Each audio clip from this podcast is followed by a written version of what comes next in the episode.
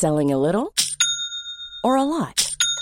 Shopify helps you do your thing however you cha-ching. Shopify is the global commerce platform that helps you sell at every stage of your business. From the launch your online shop stage to the first real life store stage, all the way to the did we just hit a million orders stage. Shopify is there to help you grow. Shopify helps you turn browsers into buyers with the internet's best converting checkout.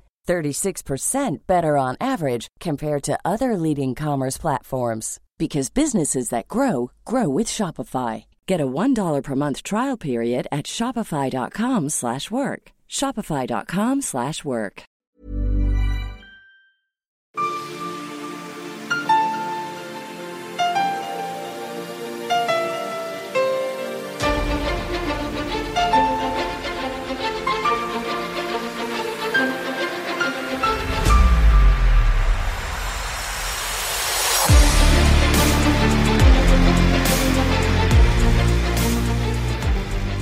lyssnar på Militärsnack, podcasten där militära saker blir lätta att fatta.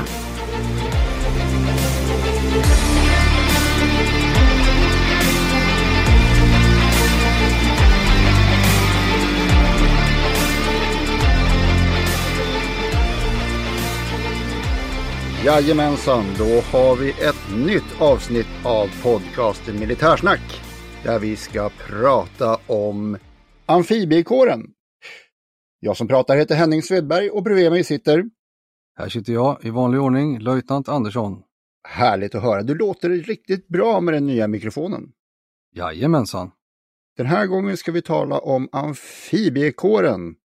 Och jag vet att du har en himskans massa under ytan om det här. Mm. Under ytan eh, har jag det inte, utan jag har det i mediaskiftet. Åh jo, du har väl en hel del dykare i amfibiekåren?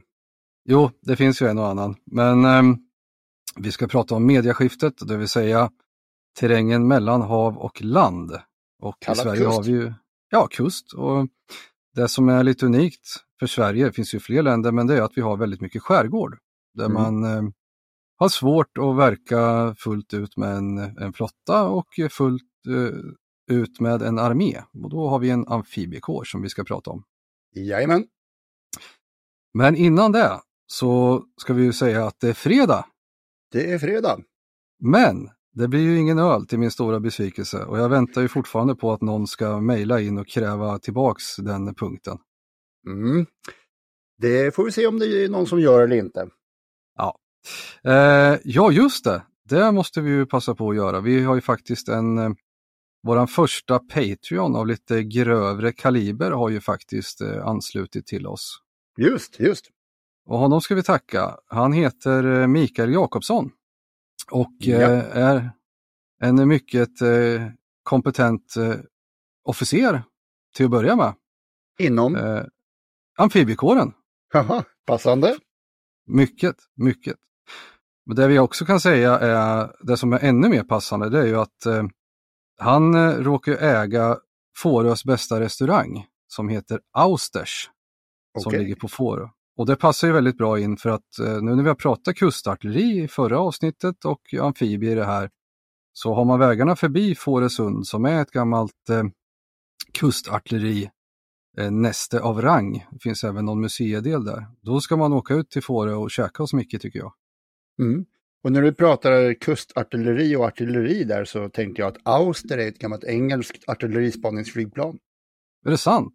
Ja, Vi knyter ihop säck efter säck här, men Austers det är nog eh, mer att det betyder öster på gotländska och det ligger på östra delen uppe vid Sudersand. Jag tror det är där Ah. som det kommer ifrån. Mm. Ja. Så är det. ja men då så. Ska vi köra igång med själva ämnet? Jajamensan. Ja, och eh, vi gör som vanligt att vi berättar ju först vad det är och det har vi varit inne på lite grann redan. Mm. Det är ett eh, kustnära försvar i mediaskiftet, eh, det vill säga skärgården. Och det har vi ju gott om här i Sverige, både Norrlandsdelar men runt Stockholm, Östergötland, Småland och upp på västkusten där det finns eh, gott om öar och vikar med mer. Det måste Och ju det- vara ett väldigt ett, ett optimalt, eh, optimalt terräng för försvarsstrid va? Ja, det är ju gynnsamt eh, men det kan sannolikt vara gynnsamt även för en, en fiende då att uh, kunna taktisera med de här brutna terrängen med både sjöstridskrafter och landstridskrafter. Men då har ju vi till vårt försvar då eh, amfibiekåren. Och eh, rent historiskt, så vi pratade i förra avsnittet om kustartilleri. Och ja. kustartilleriet bestod ju av rörligt kustartilleri och fast kustartilleri. De här, hela det vapenslaget, för att nu pratar vi inte truppslag längre utan vi pratar ju vapenslag eftersom det är marinen. Eh, det avvecklades ju och eh, man la ner alla kustartilleriförband och eh, det uppstod två stycken amfibieförband istället. Sannolikt så tog man ner en, en, en, en flagga och satte upp en annan. Man, mm. De här två förbanden som blev kvar då eh, år 2000 eller 2000, eh, det var ju KA1 som blev AMF1 som eh, låg i Vaxholm. Senare flyttade de till Berga. Sen behöll man eh, KA4 som blev AMF4 i Älvsborg, Göteborg. Och eh, de var kvar fram till 2004 som eh, amfibieregemente AMF4 då. Okay. Sen, sen, så fick man vara kvar ytterligare då mellan 04 till 2021 då man återuppstod som AMF4.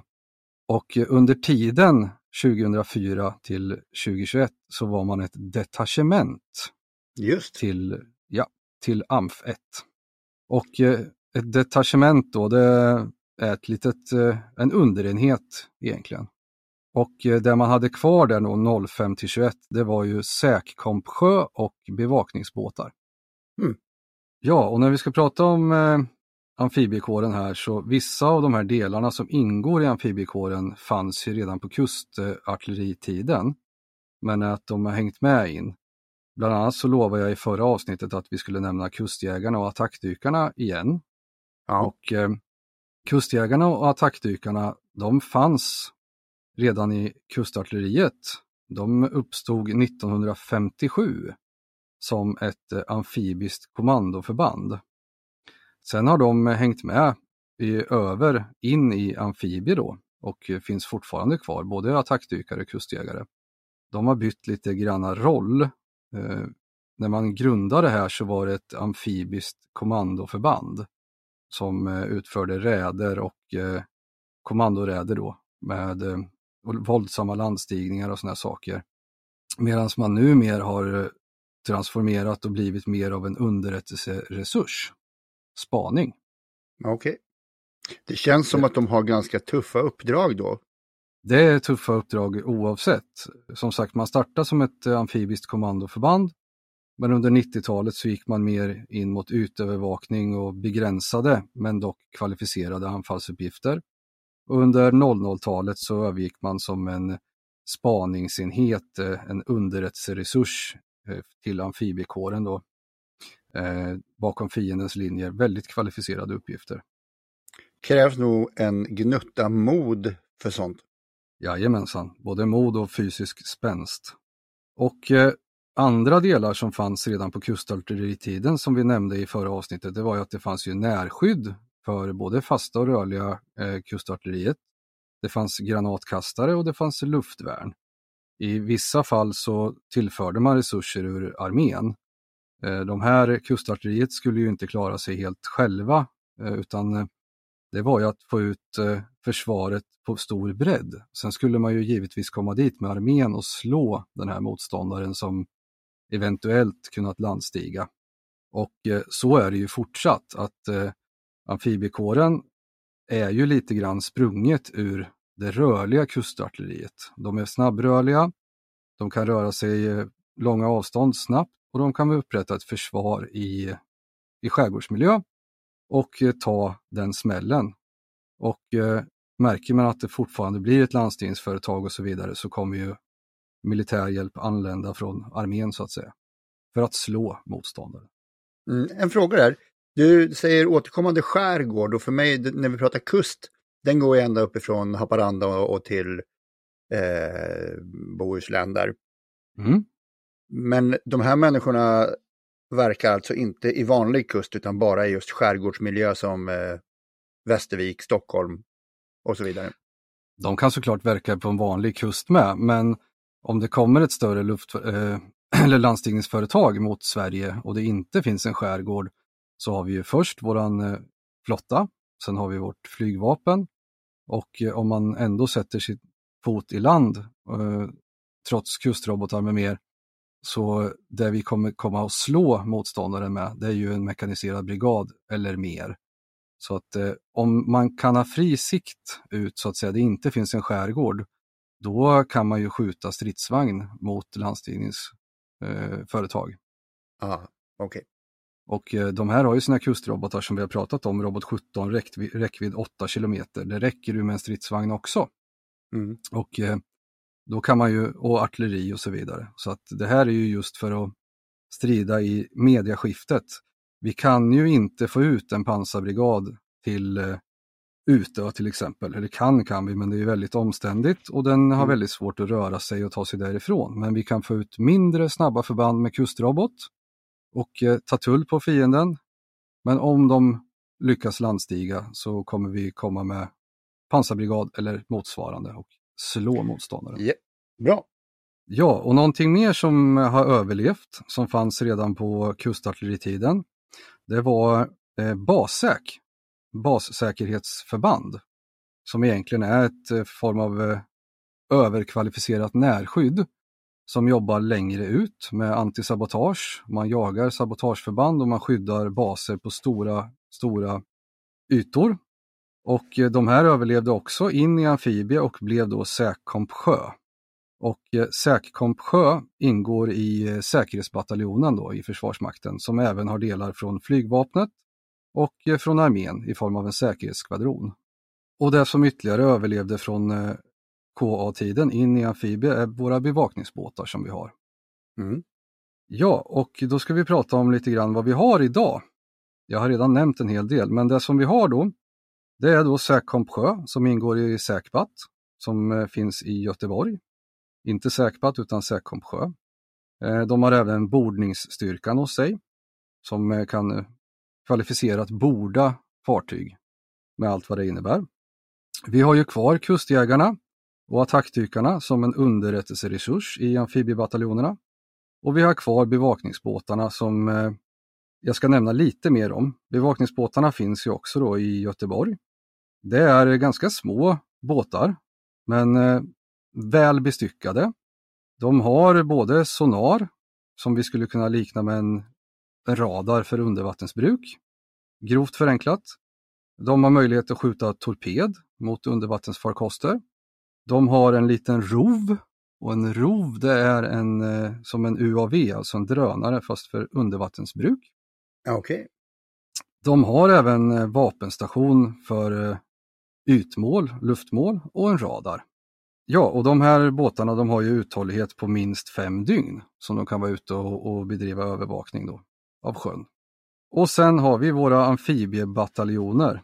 Och eh, amfibiebataljonerna ni, ni kommer känna igen det. Det är lite grann som en skyttebataljon eller en pansarbataljon eller vilken bataljon som helst. Eh, vi brukar ju prata om verktygslådan med, med plåstret och brandsläckaren. De har ett ledningskompani och sen har de ett underhållskompani. Eh, mm. sen som eh, boxhandskar, precis som på övriga bataljoner så har de eh, kompanier som genomför strid och då är det tre amfibieskyttekompanier och ett kustjägarkompani på en sån här bataljon. okay.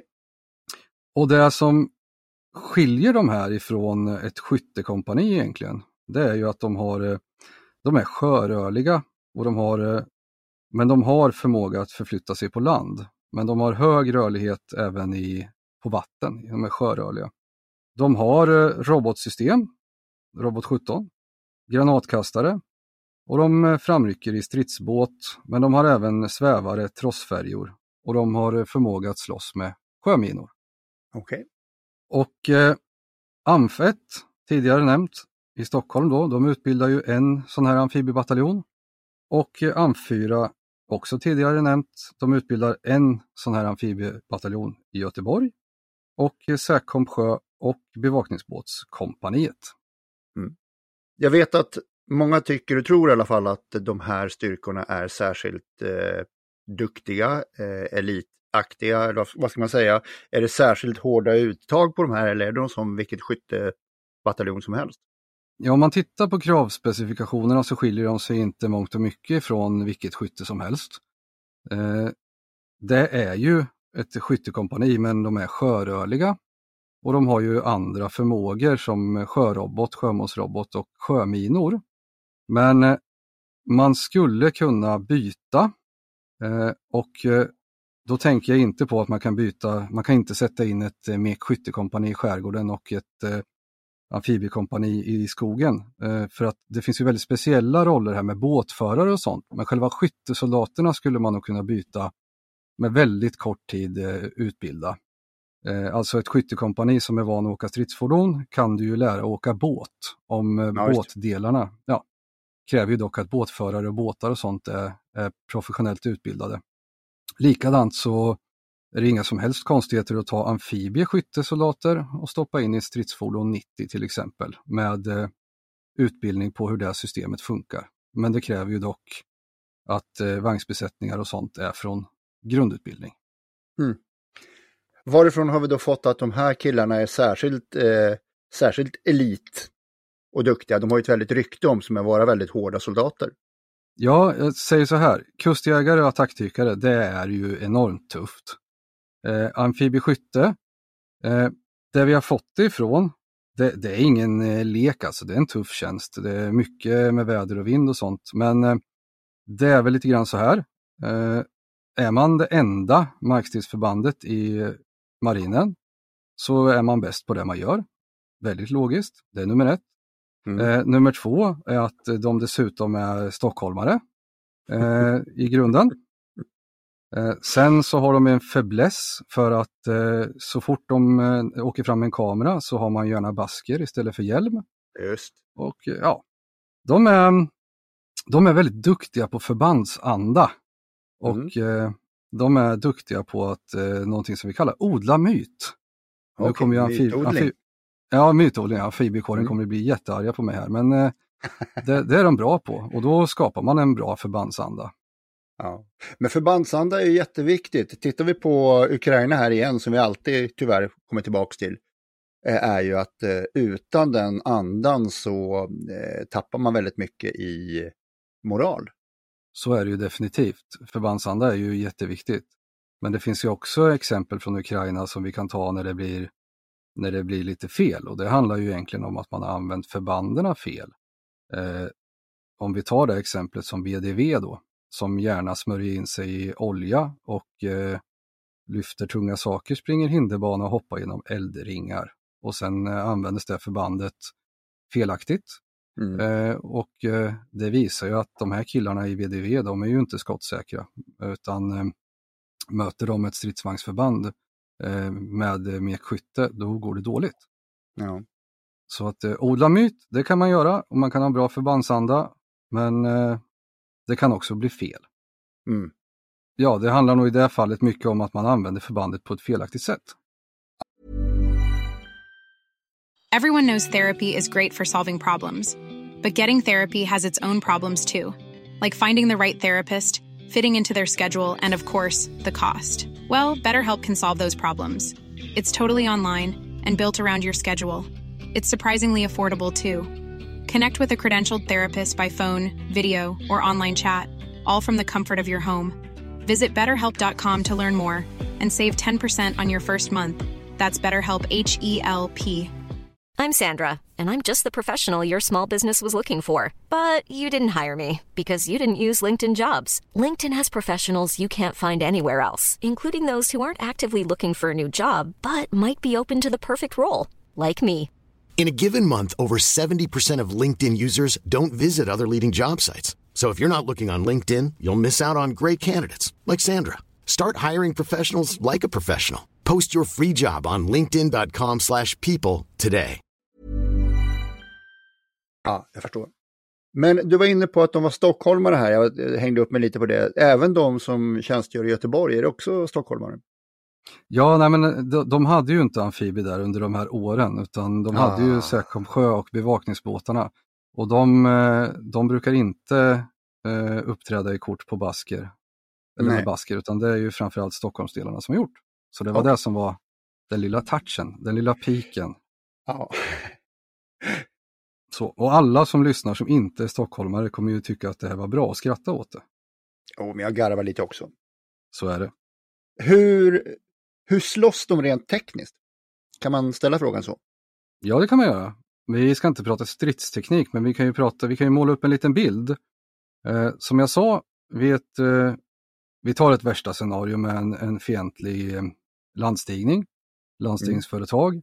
Det har ju sannolikt föregåtts av sabotage och divisionsförband och eh, påverkansoperationer som kan pågå redan nu. Alltså det är ett sådant skede, det sker ju långt innan Eh, och det vet man ju sällan om. Och sen så kommer det då sabotageförband och annat och det är upp till eh, Säkomp Sjö i det här fallet att ta hand om det, skydda våra hamnar och så vidare. Sen om eh, landstigningsföretaget väl iscensätts så har det föregåtts av eh, hårda luftstrider, förbekämpning med kryssningsrobotar och annat. Och eh, vårt flygvapen har gjort sitt. Eh, annars så kommer de ta hand om det här, de här fartygen och vår flotta har sannolikt gjort sitt. Antingen är de satt ur spelbart skick eller så krävs de på annan plats. Och eh, när det här eh, landstigningsföretaget då kommer, då är det amfibiekårens uppgift att försvara de platserna, viktiga hamnar eller hamninlopp och skärgården. Och det gör de med sina minor och sina robotsystem för att försvåra för, eh, för fienden då att eh, landstiga. Och Mm. lyckas man, lyckas man ändå landstiga så kommer armén komma att eh, försöka slå den här. Sannolikt har, så har vi lite andra problem längre in i landet också med fientliga luftlandsättningar och sånt mot flygplatser och, och sådana saker. Japp, men de tar vi hand om. Jajamensan. Ja, och fördelen med eh, de här typen av förband det är ju som jag sa att de har ju hög rörlighet eh, i sjö, men även förmåga att röra sig, flytta sig på land. Men de här kan ju väldigt snabbt röra sig över ytan. Och det, om man misstänker ett eh, landstigningsföretag eller annat eh, på någon plats, säg Gävle, då kan de ju vara där väldigt, väldigt fort och ta upp striden. Eh, För att flytta dit en mekbrigad eller annat pansarbrigad, det tar, ju, det tar ju längre tid så att säga. Det är ju mer trögrörligt. Mm. Och även om vi tittar på våran ö, eh, Gotland, så är det ju lite svårare att ta sig dit med, med kvalificerade tunga mek och pansarförband medan eh, amfibiekåren har hög möjlighet rörlighet. Mm. Vad pratar vi för hastighet ungefär på de här snabba båtarna som transporterar soldaterna? Ja, de åker ju stridsbåt 90 i första hand de här och de går ju väldigt eh, fort Det är ju riktiga monster vad det gäller hastighet på ytan. Precis. Ja, jo, det är ju riktiga monster som du säger här. Ehm, Det är ju en svensk, eh, svenskbyggd eh, båt och eh, den gör cirka 40 knop. Det är, det är fort. Det är fort. Det är väl översatt till, till, svenska, till eh, landsvenska cirka 80 kilometer i timmen. Det är vansinnigt på sjön alltså. Och det finns ju två stycken eh, versioner som jag känner till. Det är ju 90E och 90H. Och eh, jag tror att H står för halvpluton och då kan man ta en halvpluton ungefär, 18-20 passagerare. Och eh, E enkel, då kan man ta färre, 8-10 gubbar ungefär. Okej. Mm. Vem var, det var någon kändis som hade en sån här båt, va? Var det Aschberg eller vem var det? Ja, jag har för mig att det var Robban Aschberg som hade en sån här, eh, en, en civil version av den här eh, båten i alla fall. Jag är osäker, men eh, någon var det och jag tror det var han. Sen vill jag minnas att du nämnde någonting om att hans kompis där hade varit kustjägare. Ja, precis. Ja, Gert Fylking ja. En riktig Ja. gammal eh, eh, kustjägare. Men han borde väl vara över 70, annars så hade vi ju kunnat eh, kalla in honom i till totalförsvaret. Han kanske vill delta som frivillig och då vill jag ha med mig Gert Fylking när kriget kommer. Jag Ja. bokar honom.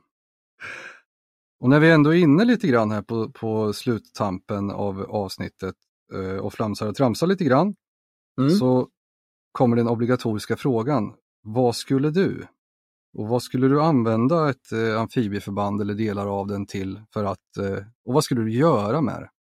Eh, jag skulle vilja se en eh, våldsam landstigning eh, med massa sådana här eh, stridsbåt 90. Och de skulle anfalla ohederliga politiska grepp som halmgubbar och gaslighting och sånt där. Jag tycker att det är tråkigt när man saboterar politisk debatt med, eh, ja, med retoriska eh, fulgrepp. Mm, mm. Det skulle jag anfalla. Själv Okej. Ja, jag skulle vilja anställa ett eh, gammalt eh, KJ-förband här, attackdykare, kustjägare. Eh, sent 50-tal, tidigt 60 kanske. Gert Fylking ska givetvis vara med. Mm. Och eh, deras uppgift, den blir att i, i alla närstående till mig badsjöar och stränder att eh, infiltrera och genomföra kommandoräd, gärna i kanot. Eh, och det de ska nedkämpa är kanadagäss som går och skiter på stränderna. Bra idé, bra, köper helt. Ja, och då tänker jag, det kan ju bli lite stökigt här med k-pistar och AK4 om det ska vara tidsenligt. Så jag ser framför mig att de kanske går och enhandsstryper kanadagäss. För det är eh, lite så kärigt. Ah. Så det blir min, det blir min eh, vad skulle du för dagen?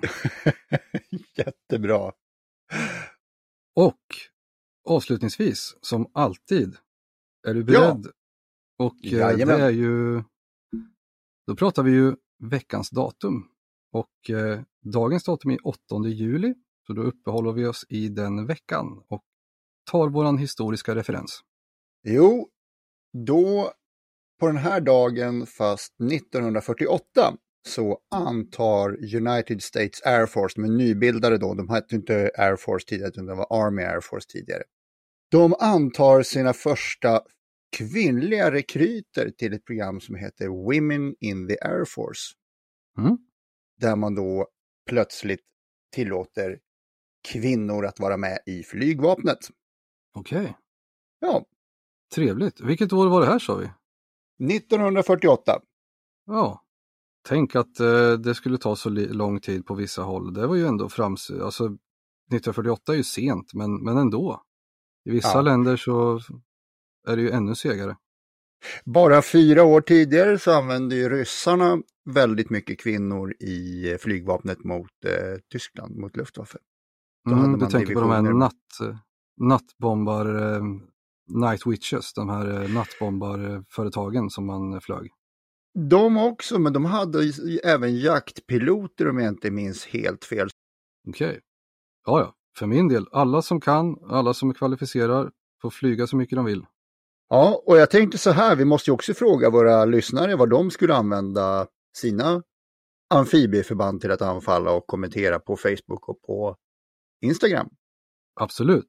Vi uppmanar till eh, att interagera Jajamensan. och eh, framförallt eh, man kan ju också stötta min kommandoräd mot eh, Kanadagässen eh, och eh, stå upp lite grann för mig här om WWF hör av sig och eh, vi kör en disclaimer på det att eh, det här var på skoj så att inte WWF behöver höra av sig om eh, Kanadagässens väl och ve.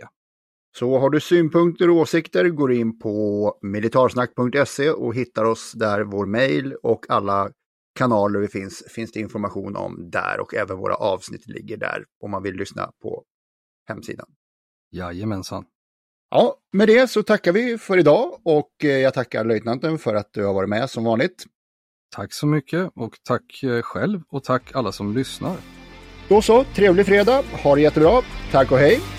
Tack och hej. Hej då, hej då.